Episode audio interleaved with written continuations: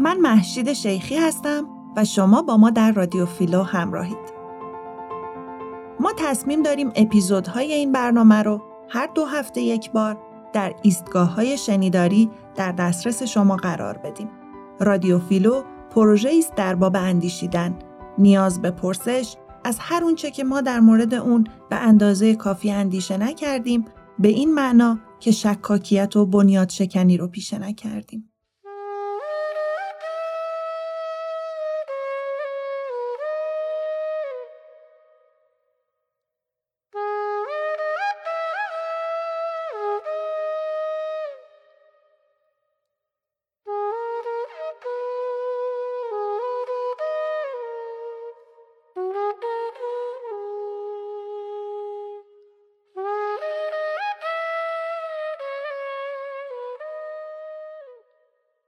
دوستان و همراهان درود. در اپیزود شماره 6 رادیو فیلو ابتدا توضیح کوتاهی در مورد نظام کاست دوران ساسانی دادیم و از سه طبقه مهم در اون دوران تاریخی یاد کردیم. طبقه کاتوزیان، جنگاوران و دهقانان. کاتوزیان که طبقه دینکاران بودن. جنگاوران که مسئلهشون پهلوانی بوده و نه فقط جنگیدن و نظامیگری و سوم کاست دهقان که طبقه مولد ثروت در جامعه بودند. همچنین در خصوص اخلاق کلی دهقانی در اون دوران و تمایل دهقانان به خروج از انقیاد و محافظ کاری و نهان روشی اونها توضیحاتی دادیم که به تفصیل در اپیزود شماره 6 می‌تونین بشنوید. گفتیم که مهمترین ویژگی نظام کاست اینه که به ارث می‌رسه و آموزش ها در اون طبقاتیه و امکان جابجایی طبقاتی غیر ممکن. بعد به تفصیل در مورد چهار تا ویژگی اصلی که ساختار فئودالی ایران رو از اروپا تا اندازه های زیادی متفاوت می‌کنه توضیح دادیم. اولی فقدان ثبات در دولتها به دلیل حجومها و ایلغارهای گوناگون و فقدان سلسله مراتب مشخص در دین بود. برخلاف نظام حاکم در اروپا از لحاظ سلطنت و دیانت در قرون وسطا که دارای ثبات طولانی و سلسله مراتب مشخص و تعریف شده بود. تفاوت دوم در نظام معارف جامعه بود. گفتیم که ما در دوران قرون وسطا شکلگیری نهاد دانشگاه و آموزش های منسجم رو در جامعه اروپایی شاهد هستیم. برخلاف ایران که با وجود دستاوردهای معرفتی فراوون و اندیشمندان بزرگ نظام تعلیم و تربیت منسجم و معینی وجود نداره تا دوره سلجوقیان و تشکیل مدارس نظامی در بغداد که نظم کم و بیش معینی به این ساختار آموزشی میده. نکته سوم مناسبات مالکیت و بیثباتی در نظام مالکیت بود.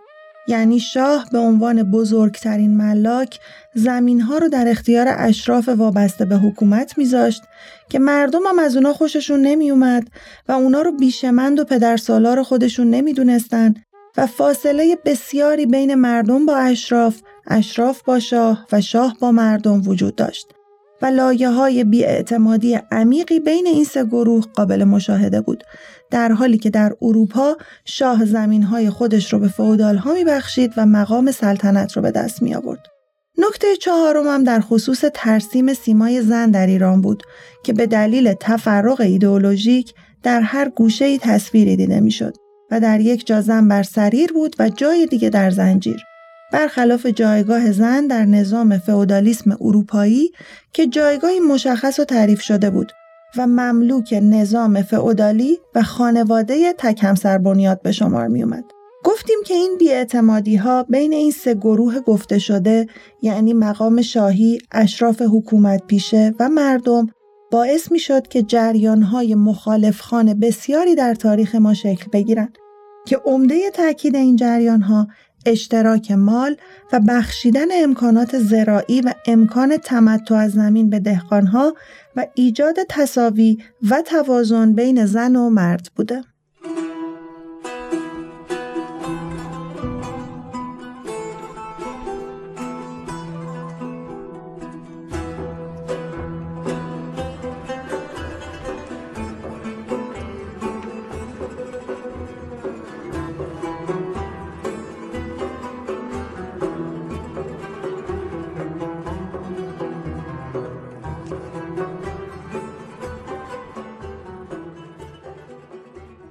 من شهریار اشراقنیا هستم و با شما در رادیو فیلو همراهم.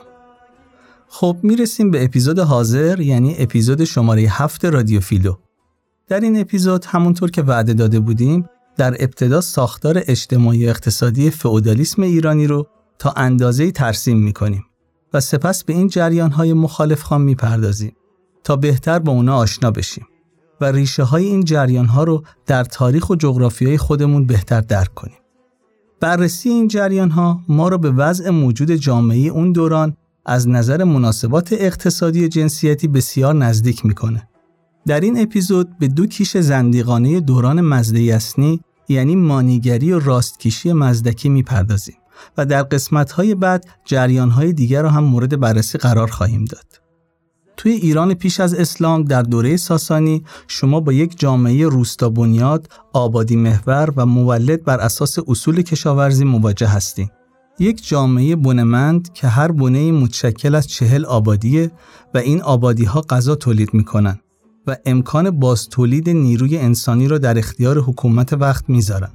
حالا یک عده‌ای در این ساختار کشاورزی نظامی این دژ زراعی جنگاورانه پیدا میشن مثل مانویان و فرقه های گنوستیک و بر تبل روحانیت میکوبن.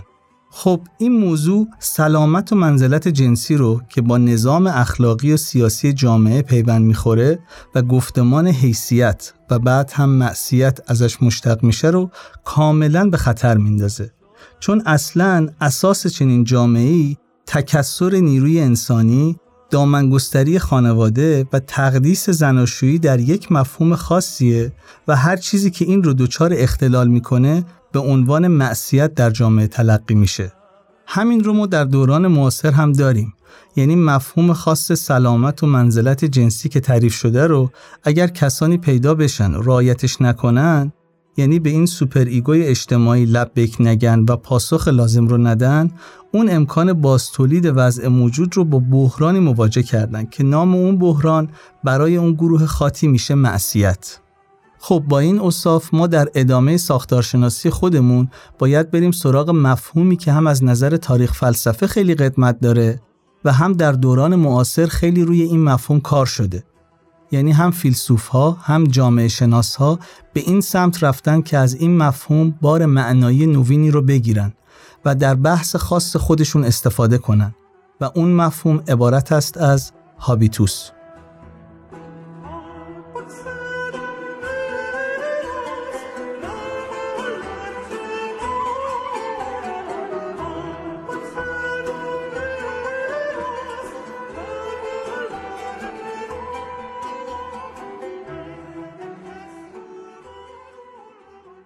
من امیر حسین ابراهیم هستم و با شما در رادیو فیلو همراهم.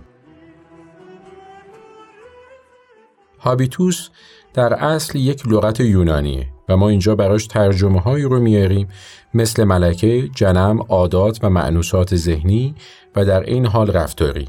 میشه اون رو به کنایش هم ترجمه کرد. حتی اون چیزی که امروزی ها ازش یاد می‌کنن به body language یا زبان بدن این هم به نوعی در دل مفهوم هابیتوس و در همون مفهوم قدیم یونانی کلمه میگنجه. یعنی اون شکل از رفتارهای افراد نه الزامن در دنیای الفاظ، شیوه پوشش و شیوه بروز و ظهور اجتماعی که آدمها رو در یک نحو خاصی از بود و باش، تشریک مساعی و ایجاد ارتباط با محیط قرار میده. یک مثال مشهور را اگر ما بخوایم از مقوله هابیتوس براتون بگیم از ابو حیان توحیدیه. از فیلسوفان و ادبای بزرگ صده چهارم هجری یعنی قرن دهم میلادی که در عراق و بغداد اون روزگار میزیسته و شهرت داشته و افکار زندق آلود و منتقد دیانت رسمی بوده. و کتاب مشهوری هم داره به نام الامتاع و المعانسه که یک رساله نه تنها ادبی بلکه تاریخی و یک نوع دموگرافی یا مردم نگاری در روزگار خودشه با بار سنگین سیاسی. ابو حیان توحیدی رو که گفتیم به عنوان یک زندیق شناخته می شده و به این نام در جامعه شهرت داشته می‌بینن داره نماز می‌خونه. آدمی که از انتشار افکار زندق آلود خودش نمیترسه دیگه لزومی هم نداره که جلوی مردم ریاکاری کنه و نماز بخونه. یکی ازش می‌پرسه چرا شما با توجه به این افکاری که دارین نماز می‌خونین؟ میگه سوال خوبیه. حاضهی سنت البلد و عادت و جسد. این سنت شهره.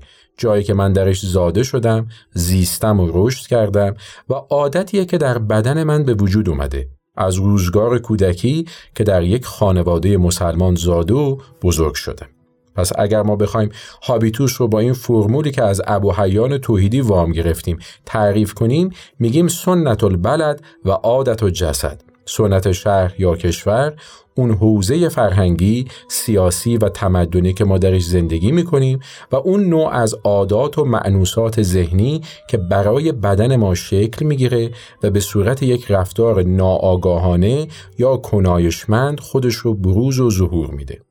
این مقوله هابیتوس در توضیح مفهوم سلامت و همینطور منزلت جنسی اهمیت ویژه‌ای پیدا می‌کنه. چون ما در هر دوران تاریخی می‌بینیم که یک سلسله از عادات و معنوسات که الزاما نمیشه گفت محصول سرکوب، انقیاد و استبداد حاکم و این قبیل مسائل هستند شکل می‌گیره.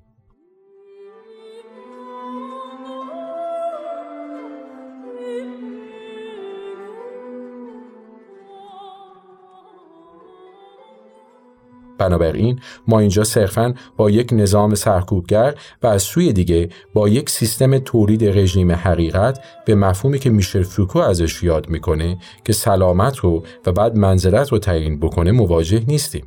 یکی از مهمترین نکات همین مفهوم هابیتوسه یعنی ما می‌بینیم که پنج عنصر در شکل دادن به این عادات و معنوسات نقش ایفا می‌کنن.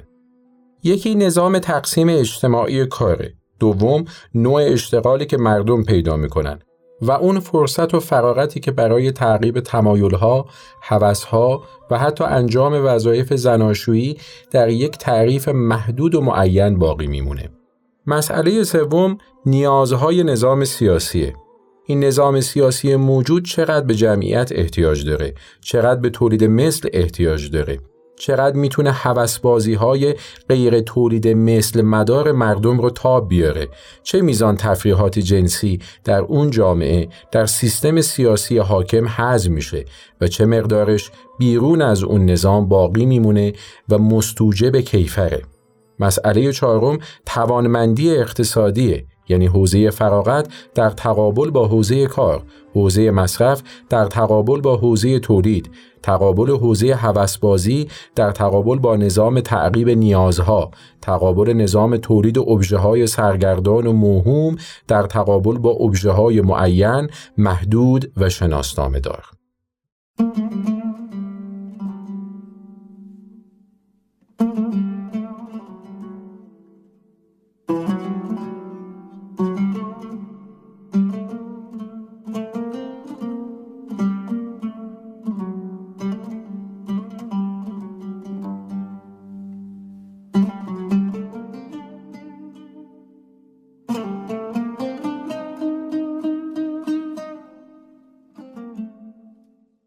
با چه نوع نظم اقتصادی در این جامعه مواجهیم؟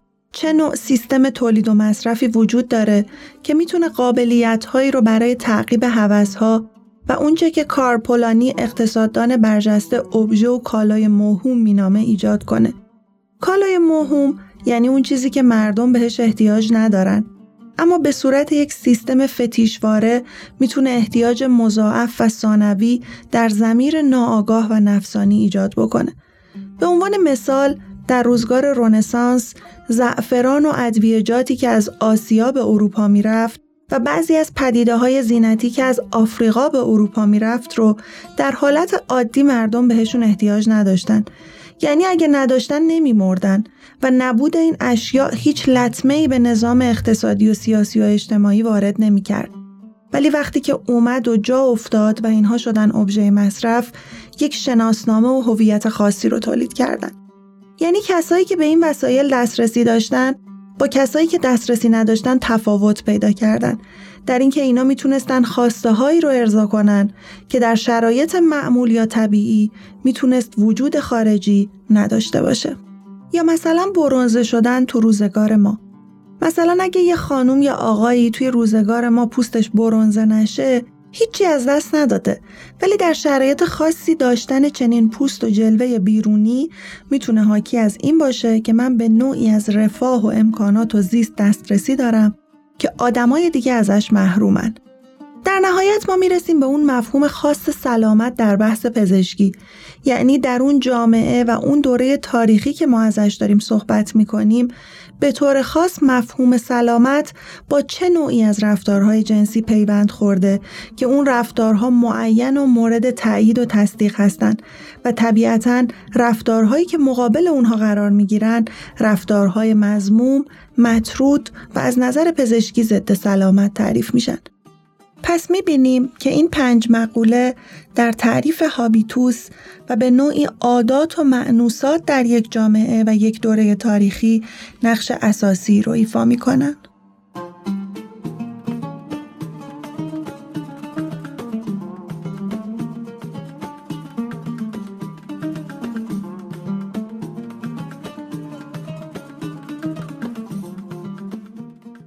برگردیم به ایران دوره ساسانی مقوله منزلت در رفتار جنسی و زناشویی آدمهایی که در یک کاست معین اجتماعی هستند تعیین می‌کنه که هر یک از این زنان و مردان متعلق به این کاست های سگانه چطور باید رفتار بکنن چگونه باید خانواده تشکیل بدن؟ چجور باید رفتار جنسی داشته باشند و حوزه لذات و تفننهای اونها کجاست؟ به عنوان مثال زنان متعلق به کاست دهقان حق داشتن چندین همسر اختیار کنند این منش به ویژه در سیستان و خراسان که به قلمروهای پادشاهی بودایی مذهب کوشانیان نزدیک می شده بیشتر به چشم می خورده. ما الان قباله های عقدی داریم از ایران دوره ساسانی به خصوص دوره شاپور دوم ساسانی که نشون میده یک زن متعلق به پایگان دهقانی سه بار به صورت همزمان ازدواج کرده و از هر یک از همسران خودش هم فرزندانی داره. از نظر دولت پذیرفته است از نظر دین هم مقبوله و فرهنگ هم به عنوان نظام نمادین اجتماعی کاملا این سیستم رو پذیرفته و توجیه می‌کنه. چرا؟ چون این خانم این بانوی گرامی دهقان وظیفش مادریه. وظیفش تعهد عاشقانه و شبه مذهبی به یک مرد معین نیست. هر چقدر این زن جمعیت سالم، مطلوب، توانمند و باز تولید شونده برای سیستم کاستی حاکم تولید بکنه این اتفاق خوبیه و برای اون زن منزلت به ارمغان میاره. ولی اگر این خانم به طبقه کاتوزیان تعلق داشته باشه که انباشت ثروت، انباشت معرفت، انباشت اقتدار بناس در اون خانواده اتفاق بیفته و در یک جا متراکم بشه این دیگه نمی‌تونه آدمهای مختلف رو به عنوان همسر اختیار بکنه. حتی همین محدودیت در مورد مردان هم هست. یعنی مردی که به طبقه مقان تعلق داره مثل یک مرد دهقان نمی‌تونه رفتار کنه و به صورت همزمان چند همسر اختیار بکنه.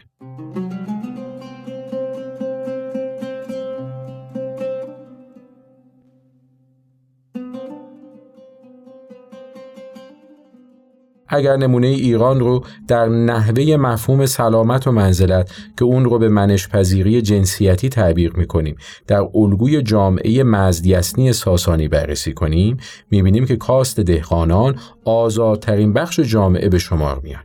هم مردان انعطاف بسیار بالایی دارند و هم زنان. تعصب بسیار ناچیزه. اولا کسی فکر نمی‌کنه که ازدواج های همهنگام و صاحب اولاد شدن چه برای آقایون و چه برای خانم ها سلامت رو به خطر میندازه چون معیار تشخیص سلامت بدنیه که توان رفتار جنسی و زایندگی داشته باشه یعنی جز این معیار و متری در متون فقهی زردشتی میانه و اواخر دوره ساسانی چیزی مشاهده نمی کنیم. پس قباله عقد هم براش صادر میشه. یعنی شما می‌بینید که یک زن هم هنگام سه تا قباله عقد داره و حقوقی هم از نظر زمین، اولاد، شکل خاصی از مهریه که به دهش در میان زردشتیان شهرت داشت به این بانوی گرامی تعلق می‌گیره. آقایون هم باز همینطور. حقوقی دارن از نظر رسیدگی به اولادشون و حتی امتیازهایی که از خانواده زن در سیستم دهخانی دریافت می‌کردن. و این نکته که در تکوین و تکامل فودالیسم در ایران موضوع بسیار با اهمیتیه. و در واقع فئودالیسم ایرانی رو با شکل اروپایی فئودالیسم که همزاد مسیحیت و به طور خاص همزاد کاتولیسیسم و سیستم خانواده‌ای هسته‌ای و تک همسر بنیاد کاتولیک متفاوت می‌کنه. ولی به هر حال معیار سلامت در اینجا خیلی روشنه. معیار منزلت هم البته اینه که اتفاقا اگر یک زن یا مردی موفق شد سه یا چهار همسر داشته باشه و از هر کدوم هم اولاد سالم پیدا بکنه و بر میزان مالکیت خودش و خانوادهش اضافه بکنه خب این خوبه و منزلت هم محسوب میشه.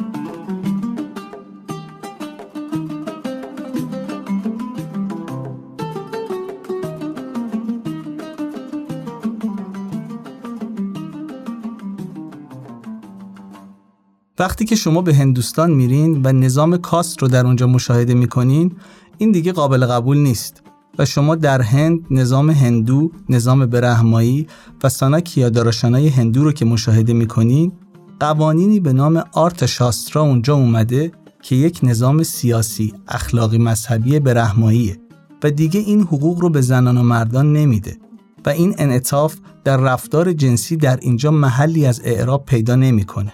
وقتی شما به چین هم نگاه می‌کنین که اونجا هم شکل خاصی از کاست برای مدت طولانی وجود داره باز می‌بینین که آریستوکراسی حاکم یعنی همون ماندرین های چینی تمایل ندارن که جامعه چنین انعطافی در رفتار جنسی داشته باشه و اونها هم کم و بیش از یک سیستم تک همسری در میان دهقانان و طبقات میانی جامعه حمایت می‌کنن.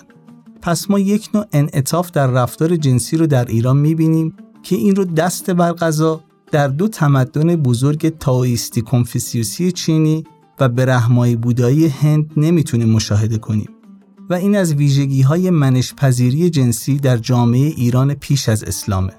حالا کل دوره پیش از اسلام نه بخش عمده ای از تاریخ دوره ساسانی که این به نوعی در دوره اسلامی برای مردان تضمین میشه و ادامه پیدا می‌کنه و برای زنان محدودیت های نوینی به وجود میاد.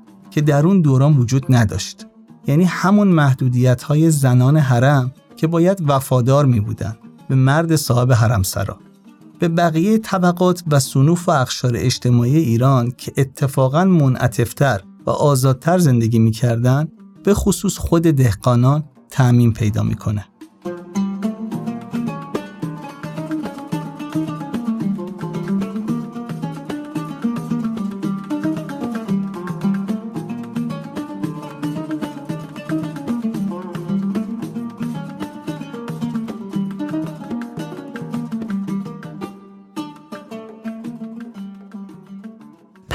نمونه ایران رو وقتی داریم نگاه می‌کنیم در حد فاصل اشرافیت کاستی کشاورزی چینی و اشرافیت پاندیت برهمن محور هندی و اون سو نظام بردهداری یونانی و نظام بردهداری رومی و بعد پیدایش فئودالیسم مسیحی اروپایی ایران یک نقطه چهار راه سرنوشتیه که ما با بررسی این ساختار به خصوص می‌تونیم از الگوها و پارادایم های دیگه هم درک روشنتری داشته باشیم.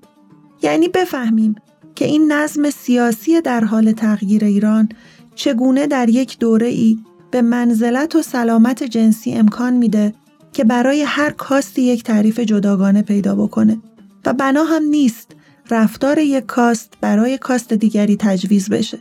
در حالی که وقتی ما میایم به دوره اسلامی تمرکز مذهبی وجود داره که این تمرکز ما در دوره ساسانی نداشتیم و اون تمرکز خلافت بغداده یعنی خلافت عباسی و این امر رو تجویز می‌کنه که دیگه این انعطاف ها در رفتار جنسی در کاست های میانی و پایین دستی جامعه میبایستی تعطیل بشه. و البته نکته مهمتر دیگه اینه که بخشنامه های دینی در این دوران جدیتر گرفته میشه. مخاطب متون دینی در دوران ساسانی عمدتا کاتوزیان بودند در حالی که شریعت اسلام همه جامعه رو مخاطب قرار می‌داده. از اینجا ما پی می‌بریم که قیام های پیاپی بردگان و طبقات فرودست جامعه ریشه در چی داره و چرا همه این نهله هایی که ما ازشون نام بردیم اولین کارشون بازگشت به یک رفتار مزدکیه یعنی لزوم ایجاد یک میزانی از تصاوی در رابطه زن و مرد.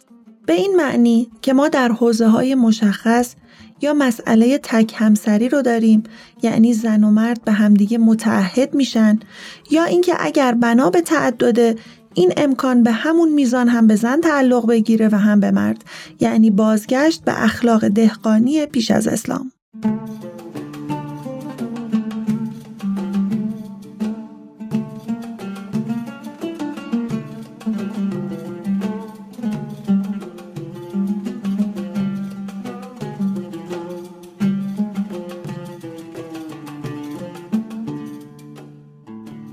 نکته بسیار مهمیه که اتفاقا اخلاق معترض جنسی رو هم به ما نشون میده. یعنی این اخلاق یا میره به این سمت که تعدد کلا پدیده باطلیه چه برای زن و چه برای مرد و عشق رمانتیک رو تجویز می‌کنه به عنوان مسیری برای تعالی روحی یا اینکه اگر بنابر تعدده چه بهتره که امکانش رو همون قدری که به مرد میدیم دقیقا و عینا در اختیار زن هم بگذاریم. وقتی که می‌رسیم به دوره فودالی مسئله سلامت و منزلت یه اندازه زیادی از پزشکی جدا میشه و پیوند عمیقی می‌خوره به شعایر دینی. اینجا سلامت عبارت است از اینکه ما چطور اون نظم مابعد و طبیعی که در کتب مقدس آمده رو به اون واقعیت اقتصاد سیاسی مالکیت که تو جامعه به عنوان یک حقیقت زمخت مادی در جریان هست پیوند بزنیم. در نتیجه از اینجا به بعد برخلاف دورانی که ما هنوز سلطه کامل ادیان یکتاپرست رو نداریم علم پزشکی و گزاره های پزشکی در خدمت اون سیستم مابعد و طبیعی قرار می گیرن که البته اقتصاد سیاسی مالکیت و سیستم زمینداری فعودالی به شدت درش دخیله. اما پیوندی هم داره با یک درک خاصی از ماهیت زن و مرد.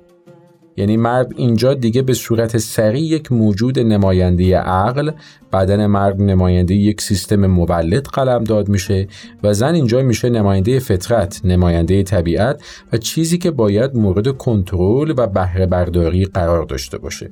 شما اگر برگردین به اون اخلاق دهقانی زردشتی و دوره ساسانی می‌بینید که زن در اونجا به عنوان نماینده فطرت تلقی نمیشه. مرد هم نماینده اقلانیت و تولید و جنگاوری و بقای سیاسی به شمار نمیاد. هر دوشون در یک کاست معینی که وظیفه تولید ثروت بر دوشش گذاشته شده حضور دارند و به یک میزان هم بناست کار بکنن.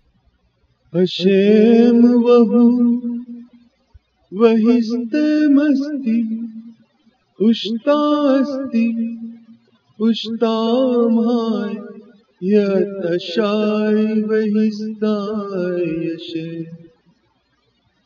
यथा भूवर्यो अथारथूशशान्तचीतवचा वङ्गे ऊषदस्तामलङ्गो शोधनरामङ्गे ऊषमस्ता क्षत्रयं च औरा a întregă piută de vastare. Aia sa ne mângau, stan zăstoră predrea, men eu și mă dau خب برگردیم به جریان های مخالف خان که قرار بود در موردشون صحبت کنیم.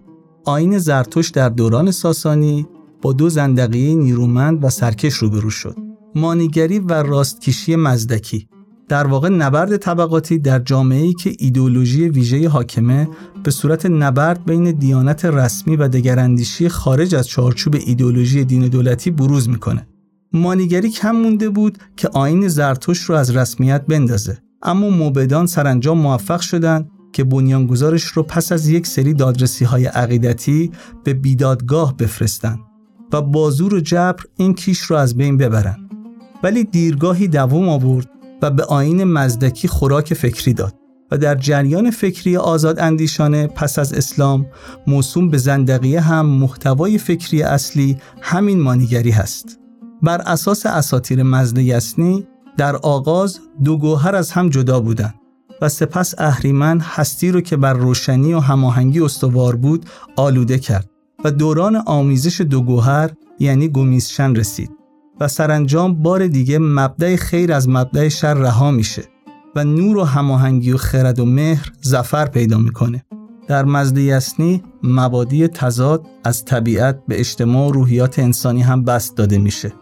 هومت یا پندار نیک در مقابل دوشمت یا پندار بد.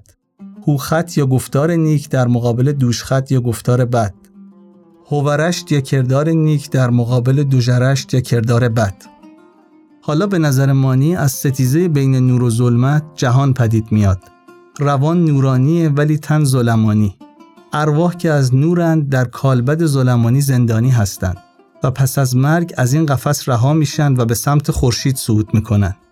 با اینکه سرانجام حکومت جاودانی نور برقرار میشه ولی الان ظلمته که حکم فرماست و بنابراین جهان جهان رنج و بیداده. اما در زندقه انقلابی مزدک که در دوران پادشاه ساسانی به نام قباد پدیدار میشه و متوجه نبرد بر ضد اشرافیت و مذهب مسلط بود رابطه نور و ظلمت به نحو دیگه ایه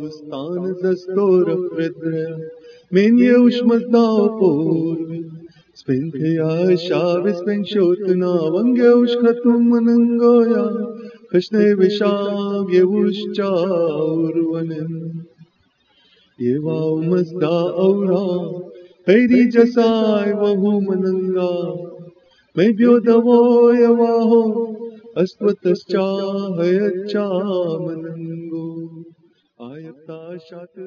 نور و روشنی در نزد مزدک مبدع آگاه و با اراده است و قلبش حتمی و قانونی و عادلانه است.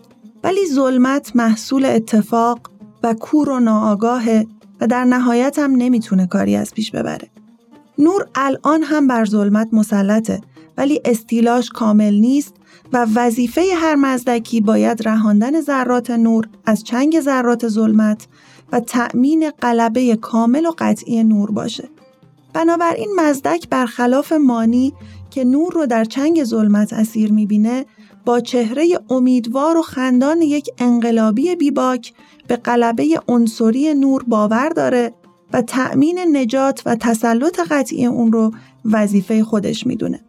این ریشه افکار مارکیونیته که بر پیدایش مدرنیته تأثیری شگرف داشته و ما بعدتر به این موضوع برمیگردیم.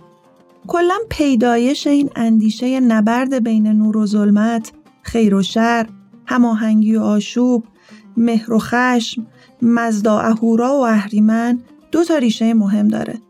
اولی ریشه اجتماعی اونه که نبرد بین قبایل بیابانگرد شبان و توایف زراعت بیش است که مضمون عمده تاریخ دوران پیدایش مزده یسنیه و نام بسیاری از خدایان این اقوام بیابانگرد در مزده یسنی به اسامی ظلمانی و اهریمنی تبدیل شده.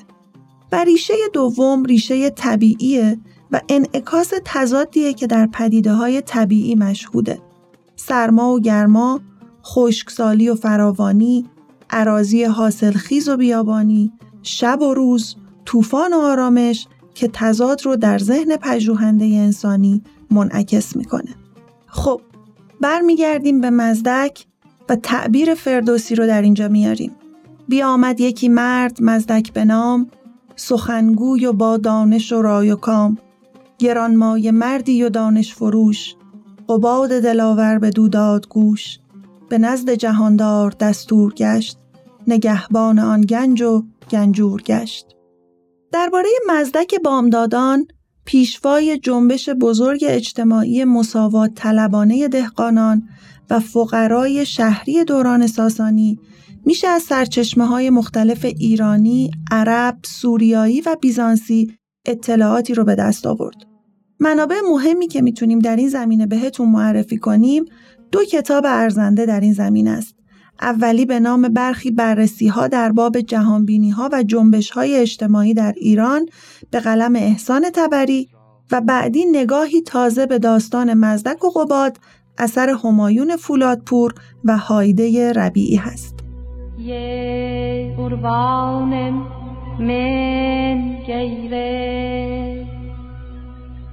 وحودت حسرات مننگ ها اشیش چاو شیوتننا وی دوش مزداو اهورهیا یوت ایسای تواچا اوت سای عیش اشفیا خیزش مزدکیان از سال 494 میلادی آغاز شد و تا 524 پس از میلاد یعنی سی سال ادامه پیدا کرد. و دامنه شگرفی یافت و در اثر عمق نفوذ و گسترش خودش پادشاه ساسانی قباد رو به سازش و مدارای با خود واداشت. بماند که قباد هم برای کاستن از نفوذ مقان دوران خود به مزدک گرایش یافت. راز بست سریع و اقتدار خیزش رو باید در شرایط ویژه اجتماعی اون روز ایران جستجو کنیم. معمولا در آثار برخی از نویسندگان معاصر ما که تصوری سطحی از سیر تاریخ دارند توصیفات طلایی از جامعه ایرانی پیش از اسلام مشاهده میشه ولی این امر فاقد حقیقته. جامعه دوران ساسانی همانطور که اجمالا توضیح دادیم یک جامعه محافظه کار اشرافی مبتنی بر نظامها و مقررات بسیار جابرانه بود. و ویژگی این جامعه عبارت بود از گذار تدریجی و دردناک اون از نظام دودمانی و بردگی به سیستم فئودالی. در جامعه ساسانی مقررات کاست مانندی حکم فرماست. کاست یعنی قشرهای غیرقابل نفاذ اجتماعی و هر کس در قشری زاده شد تا آخر عمر باید در اون زندگی کنه تا بمیره و حق انتقال به قشرهای دیگه رو هم نداره اما گفتیم نفاذ. نفاذ به معنای تأثیر متقابله. یعنی یک نظام اجتماعی از یک سو واجد صفاتی است و از سوی دیگر این صفات ویژگی رو در هر یک از افراد اون جامعه ایجاد می‌کنن. در حالی که کلمه نفوذ صرفا یک رابطه یک طرفه رو در ذهن ما تداعی می‌کنه. باری. میگن در ایام جنگ لزیکا یکی از دیهگانان ثروتمند به خسرو کواتان یا انوشیروان گفت حاضر نیمی از مخارج لشکرکشی رو تقبل کنه به شرطی که شاه به فرزندش رخصت بده تا وارد زمره دبیران بشه. خسرو انوشیروان که به سبب تعلق متعصبانه به قوانین یا به تعبیری داد او رو دادگر یا مجری قانون مینامیدن این پیشنهاد رو نپذیرفت. تا حدود و مرزهای زمره های اجتماعی یعنی همون سیستم کاستی رو مشوب و مختل نکنه. بر رأس جامعه ساسانی شاهنشاه یا شیدانشید قرار داشت که با دیوار زخیمی از اشراف و اشراف منشی محصور و از مردم به دور بود. و احیانا چهره او رو هم در پس پرده با نقابی طلایی می. او نه تنها مظهر قدرت مطلقه سیاسی بلکه دارای مختصات مذهبی ویژه‌ای هم بود و قدرتش کمابیش جنبه ای تئوکراتیک یا الهیاتی و زل اللهی می داشت. چه آسان چه آسان.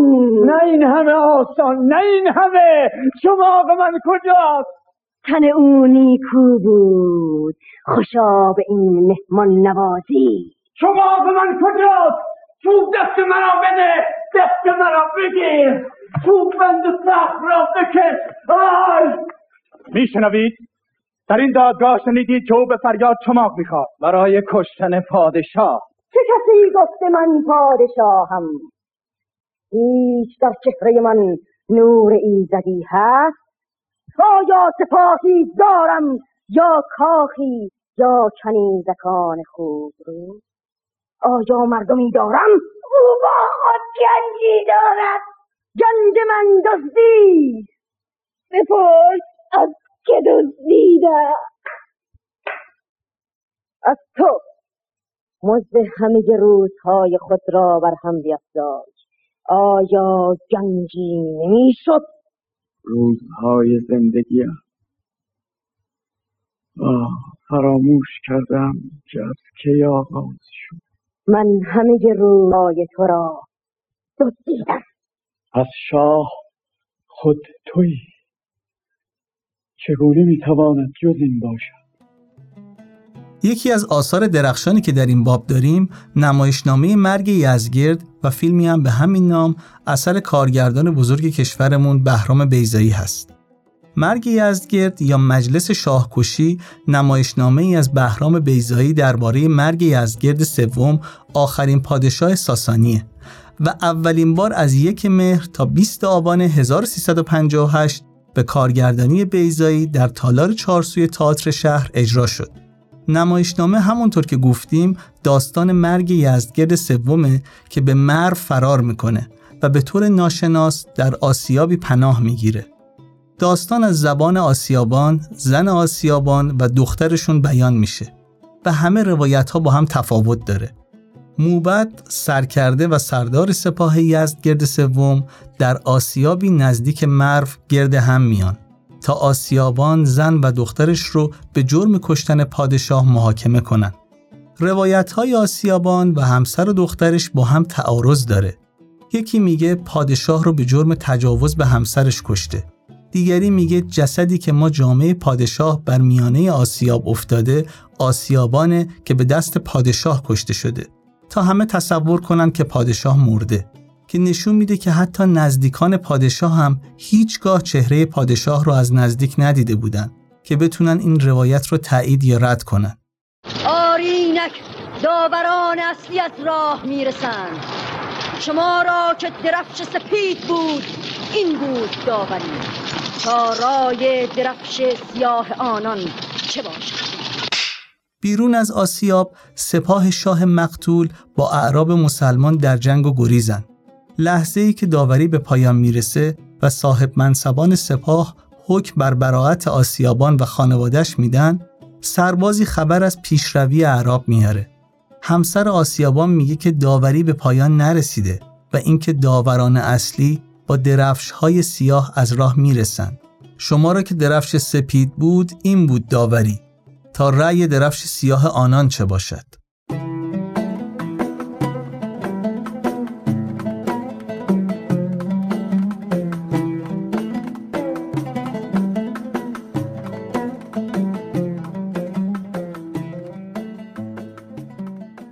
دربار شاه در عین حال دستگاه دولتی و مرکز بزرگ اداری برای تمشیت امور سپاه و دریافت خراجها و جمع اخبار و اطلاعات و جاسوسی و نیز اجرای تشریفات بسیار عریض و طویل بود و حرمسرای او هم محل انواع تحریکات پس پرده و تلقینات شوم نفاق افکنانه به شمار می رفت. در پیرامون شاه حلقه های گوناگون اشراف روحانی و غیر روحانی قرار داشتند. قشر فوقانی روحانیون که بر رأس آنها موبدان موبد و هیر بودان هیر بود اداره کنندگان آتشکده ها و اموال و املاک متعلق به اونها قرار داشتند از طرفی و دو دیگر عمده اشراف وزرگان و آزادان از طرف دیگه نزدیکترین حلقه های اجتماعی به شاه محسوب می شدند. وزرگان عبارت بودند از ولات و مرزبانان ایرانشهر که هر یک نام شاهی داشتند و سپس ویسپوهران که از خاندانهای هفتگانه اشرافی به شمار می آمدند. این وزرگان و اسواران چه بسا دست به یکی می کردن و با شاه وقت بر سر تقسیم قدرت و نفوذ در می افتادن. هفت خاندان مهم و کهن اشرافی ایرانی کارن، سورن، مهران، اسفندیار، سوخرا، اسپهبود و زیک که از زمان اشکانیان در ایران صاحب نفوذ بودند هر از چندی یک بار بر سر کسب نفوذ بیشتر توی دربار با هم رقابت می‌کردند. شاهان ساسانی به ویژه قباد میکوشیدند تا با تقویت اشراف کوچکتر زمیندارها که بهشون آزاتان می‌گفتند قشر نظامی ها رو که بهشون ارتشداران می‌گفتن و کارمندان و دبیران و با استفاده از تضاد داخلی وزرگان مثل تضاد کهنی که بین خاندان کارن و مهران وجود می داشته صفی در مقابل اونها به سود دربار و تقویت اون تشکیل بدن. پس از این زمره های حاکمه نوبت به خودخشان یا بازرگانان و کسبه و اهل حرف و واسخیوشان یا اهل زراعت و گلهداری می‌رسه.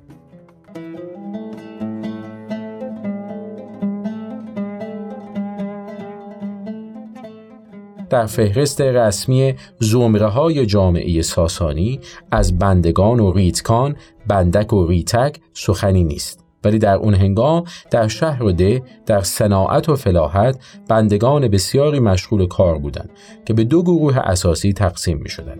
ایران شهریگان یا بندگان ایرانی و آنا شهریگان یا بندگان خارجی که اکثریت عددی متعلق به اینان بود. و اما وضع توی ده به این منوال بود. اشراف و آزاتان مالکان زمین ها و گله ها و بونه های بسیار بودند. و بدین مناسبت مالک یا دیهیک نام داشتند. به سبب تعلق خود به این دیهیکان دیهیکانیک می نامیدند لذا باید بین دیهیکان یا جمع دیهیک یعنی مالکان زمین و دیهیکانیکان جمع دیهیکانیک به معنای دهقانان فرق گذاشت. دهقانها وضعی نیمه برده داشتند. و در قطع زمین هایی که از املاک مالک بین اونها تقسیم شده بود کار می‌کردند و مالیات یا خوراک می پرداختن. و سیوشان و آمارگرانش معمور وصول خراجهای سنگین از دهقانان بودند. دهات دیگه هم که در اون هنوز رسوم پدرشاهی حکم روا و اقتصادیات مشاع باقی بود موسوم به ویس و گدک به سرعت به تصرف اشراف در می اومد و اقتصاد کهن در کار تلاشی کامل و مالکیت بزرگ فعودالها در حال نوزج و تشکیل بود. یکی از پدیده های مهم این دوران بست شهرها و رشد نفوس اونهاست.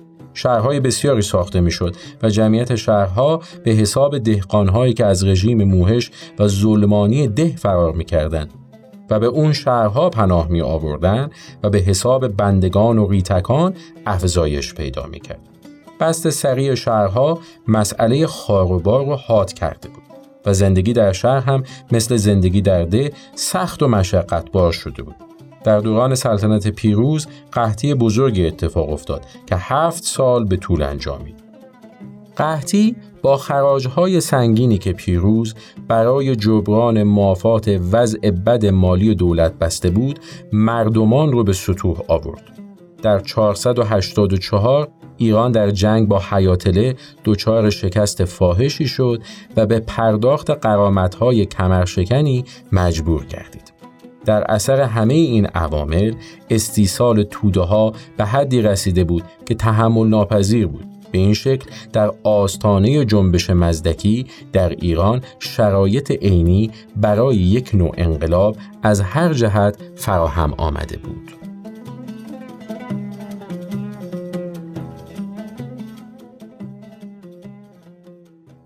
داستان مزدک با قباد بیامد یکی مرد مزدک به نام سخنگوی با دانش و رای و کام.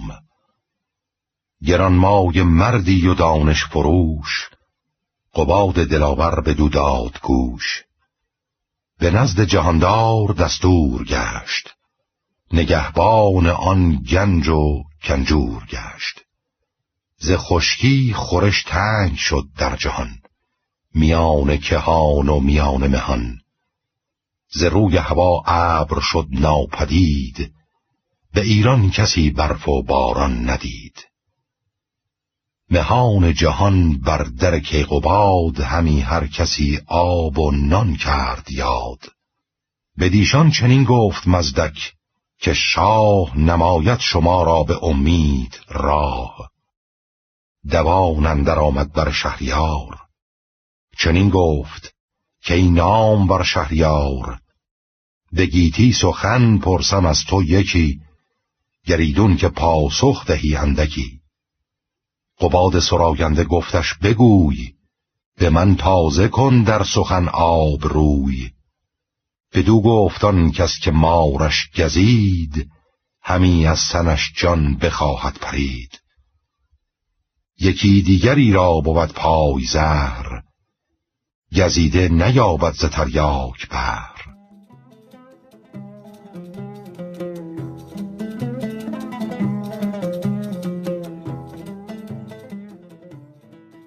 مزدک که مردی روحانی اندرزگر یا واعظی از پیروان کیش زرتشتکان یا بندس مغ بود که بعد بهش برمیگردیم موفق شد در دوران مسائب عظیم اجتماعی و ناخرسندی عمیق مردم با اتکاع به صفات عالی انقلابی و فساحت زبان و قدرت فکر و منطق خودش تعالیمش رو در مغزها رسوخ بده و سرمنشأ تکان و جنبشی شگرف بشه. مواعظ و حرفای شورانگیز مزدک درباره اصول کیش زرتشتکان مردم مستعد و ناخرسند رو به جنبش آورد و گروهی انبوه بهش پیوستند و به قول خاجه نظام الملک مردمان پنهان و آشکار در مذهب مزدک شدند و به قول فردوسی همی گشت درویش با او یکی اگر پیر بود و اگر کودکی. قباد که از هر جهت از روحانیون و اشراف دل پری داشت و شاید هم از دوران کودکی گرایشی مانوی در افکارش موجود بود و شاید چون از موج عظیم مردم تاقی ترسیده بود با جنبش کنار میاد و راه رفق و مدارا و حتی حمایت و دستیاری رو با مزدکیان در پیش می‌گیره و به سخنان مزدک اندرزگر درباره لزوم باز کردن در انبارهای قله به روی قحطی زده ها و اجرای عدالت در مورد بیچیزها و شاید هم اصلاحات در مناسبات زناشویی تن در میده. ولی روحانیون و اشراف در مقابل این جریان که به هیچ وجه با مطامع و مقاصدشون سازگار نبود واکنش شدیدی نشون میدن و در سال 496 یعنی یک سال پس از شروع شورش قباد رو از سلطنت خلق می‌کنن و برادرش زاماسب رو به جاش میشونن. قباد دوباره با کمک حیاتله به عریکه شاهی برمیگرده ولی این بار با مزدکیان راه سردی رو در پیش می‌گیره. با این حال مزدکیان کماکان به مسابه سلک نیرومندی که تکیهگاهشون مستمندان شهر و ده هستن نه فقط در جامعه بلکه در دربار صاحب نفوذن. ولی از اونجا که قباد بر سر جانشینی خسرو کواتان با مزدکیان اختلاف پیدا می‌کنه با کمک اشراف و همچنین با استفاده از تناقضات درونی خود نهزت بهانه جسته و اونها رو به محاکمه می‌کشه و با حضور روحانیان بزرگ زرتشتی و اسقفهای مسیحی ایران اونها رو به بددینی محکوم می‌کنه و خسرو کواتان مأمور اجرای حکم جابرانه دادگاه میشه. و در زمستان سال 524 میلادی مزدک و هزاران تن از پیروانش به فجیع ترین و قصاوت کارانه ترین وضع نابود میشن. در اینجا جا داره که برخی از آموزه های مزدک رو مورد بررسی قرار بدیم.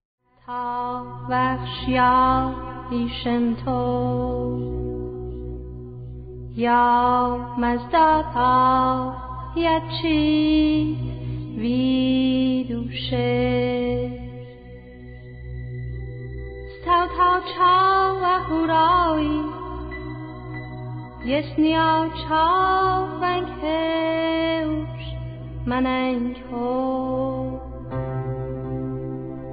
U monstra a szafie czał, ja raucze bisz, در سطح پروازا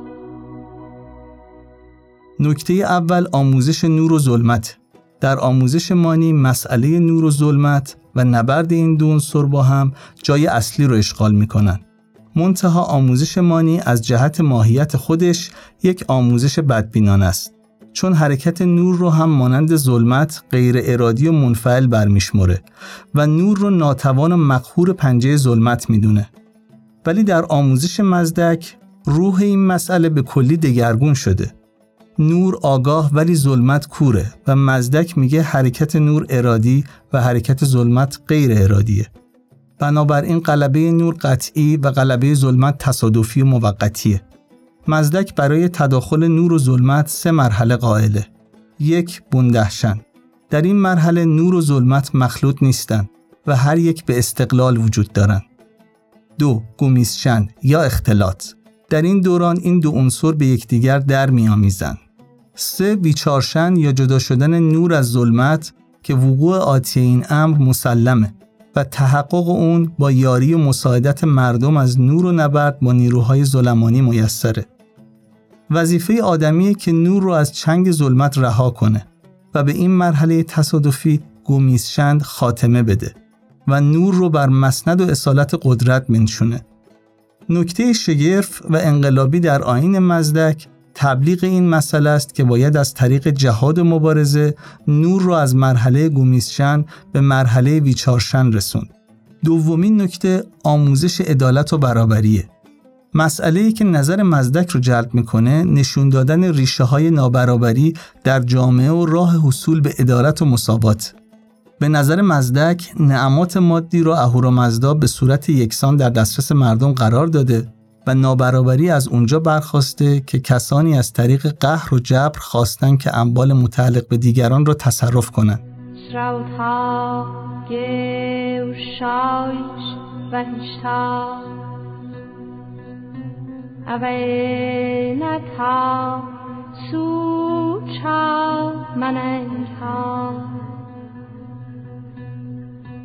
آور ناوی چی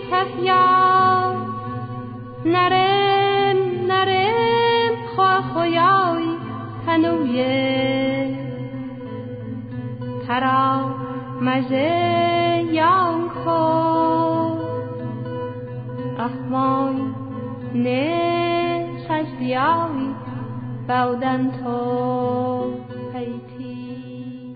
به خاطر داشته باشیم که خاج نظام الملک بهترین بیان رو در این باب داشته شناخت مزدک در سیاستنامه به رغم مخالفتهای خاجه با این جهان بینی بسیار دقیق ادا شده.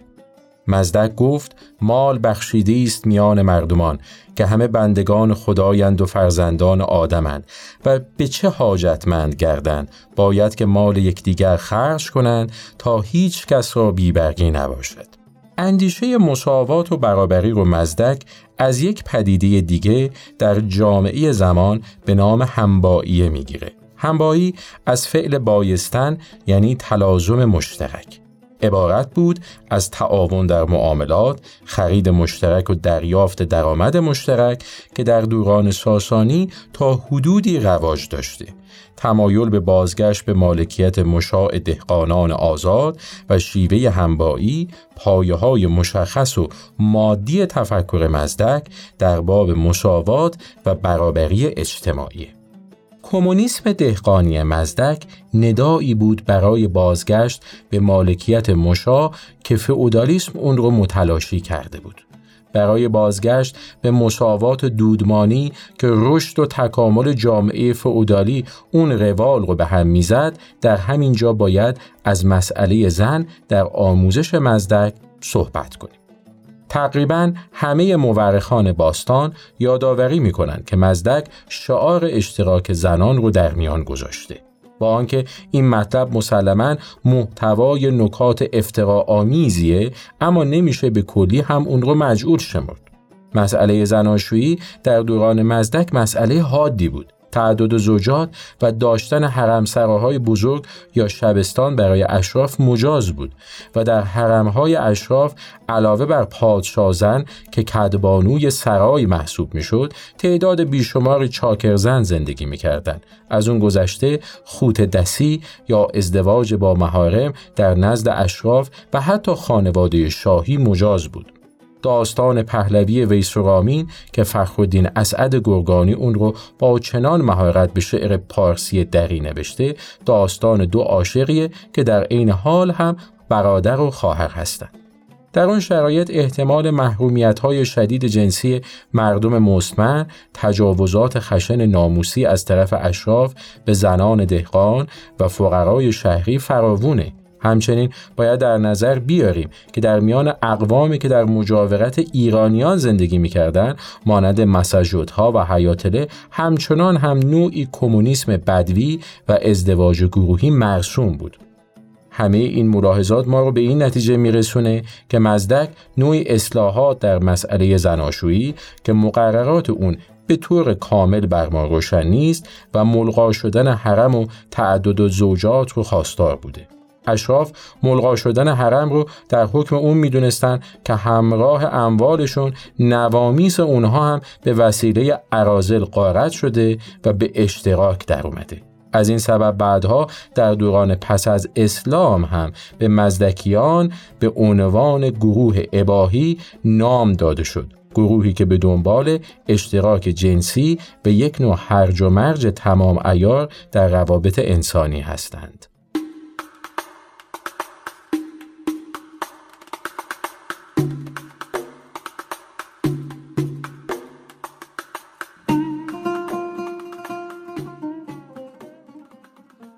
هر جهت با توجه به سیمای اخلاقی مزدک که مردی بی نهایت مهربان و بیازار و ریاضتکش بوده و با توجه به بخشهای دیگه تعالیم او تصور اون که مزدک بدعتهایی برای لگام گسیختگی های جنسی گذارده باشه محاله و نباید تردید داشت که آموزش مزدک در این زمینه ناشی از روح تعالیم اوست که بر تجلیل برابری و دادگستری و مردم دوستی مبتنیه.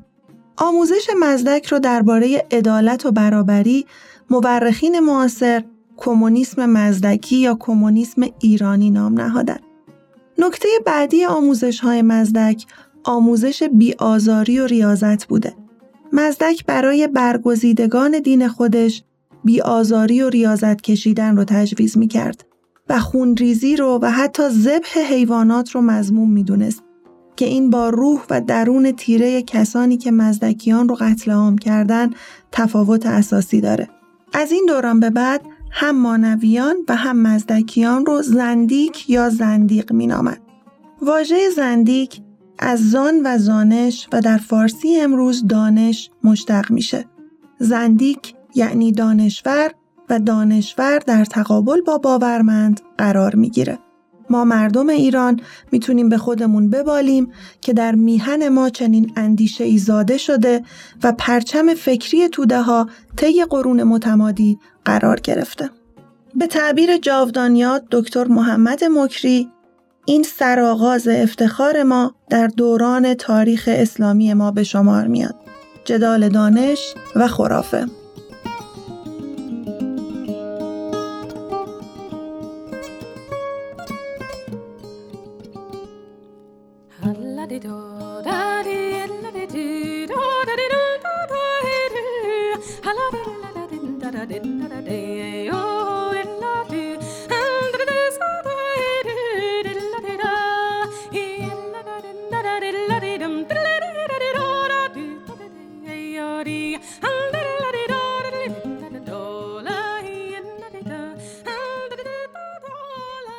این اپیزود در بهمن ماه سال 1400 ضبط شده و در سیوم بهمن ماه 1400 در دسترس شما دوستان عزیز قرار خواهد گرفت. راویان این اپیزود امیر حسین ابراهیم، شهریار اشراقنیا و محشید شیخی هستند. محتوای اپیزود به طور مشخص توسط امیر حسین ابراهیم آماده شده و پژوهش های مرتبط توسط محشید شیخی صورت پذیرفته. کارگردانی هنری و آماده سازی متنها توسط مهشید شیخی و شهریار اشراقنیا انجام شده. ضبط پادکست در اسفندیار استودیو انجام شده و میکس و mastering صدا توسط محمد رضایی صورت پذیرفته. با سپاس از سهیل فاتحی عزیز بابت همراهی با این اپیزود رادیو فیلو. ما رو در اینستاگرام رادیو فیلو می‌تونید دنبال کنید که در اونجا بخشهایی از محتوای مربوط به هر اپیزود رو برای شما به اشتراک می‌گذاریم.